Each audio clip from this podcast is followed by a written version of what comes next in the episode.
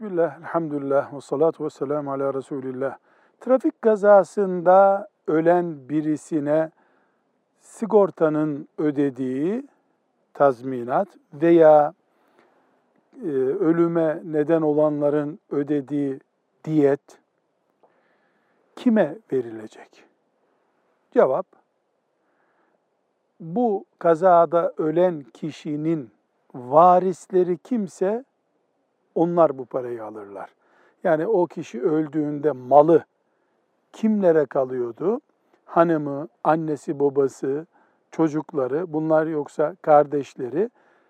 Diyette onlar arasında bir miras taksimi yapılıyormuş gibi paylaşılır. Velhamdülillahi Rabbil Alemin.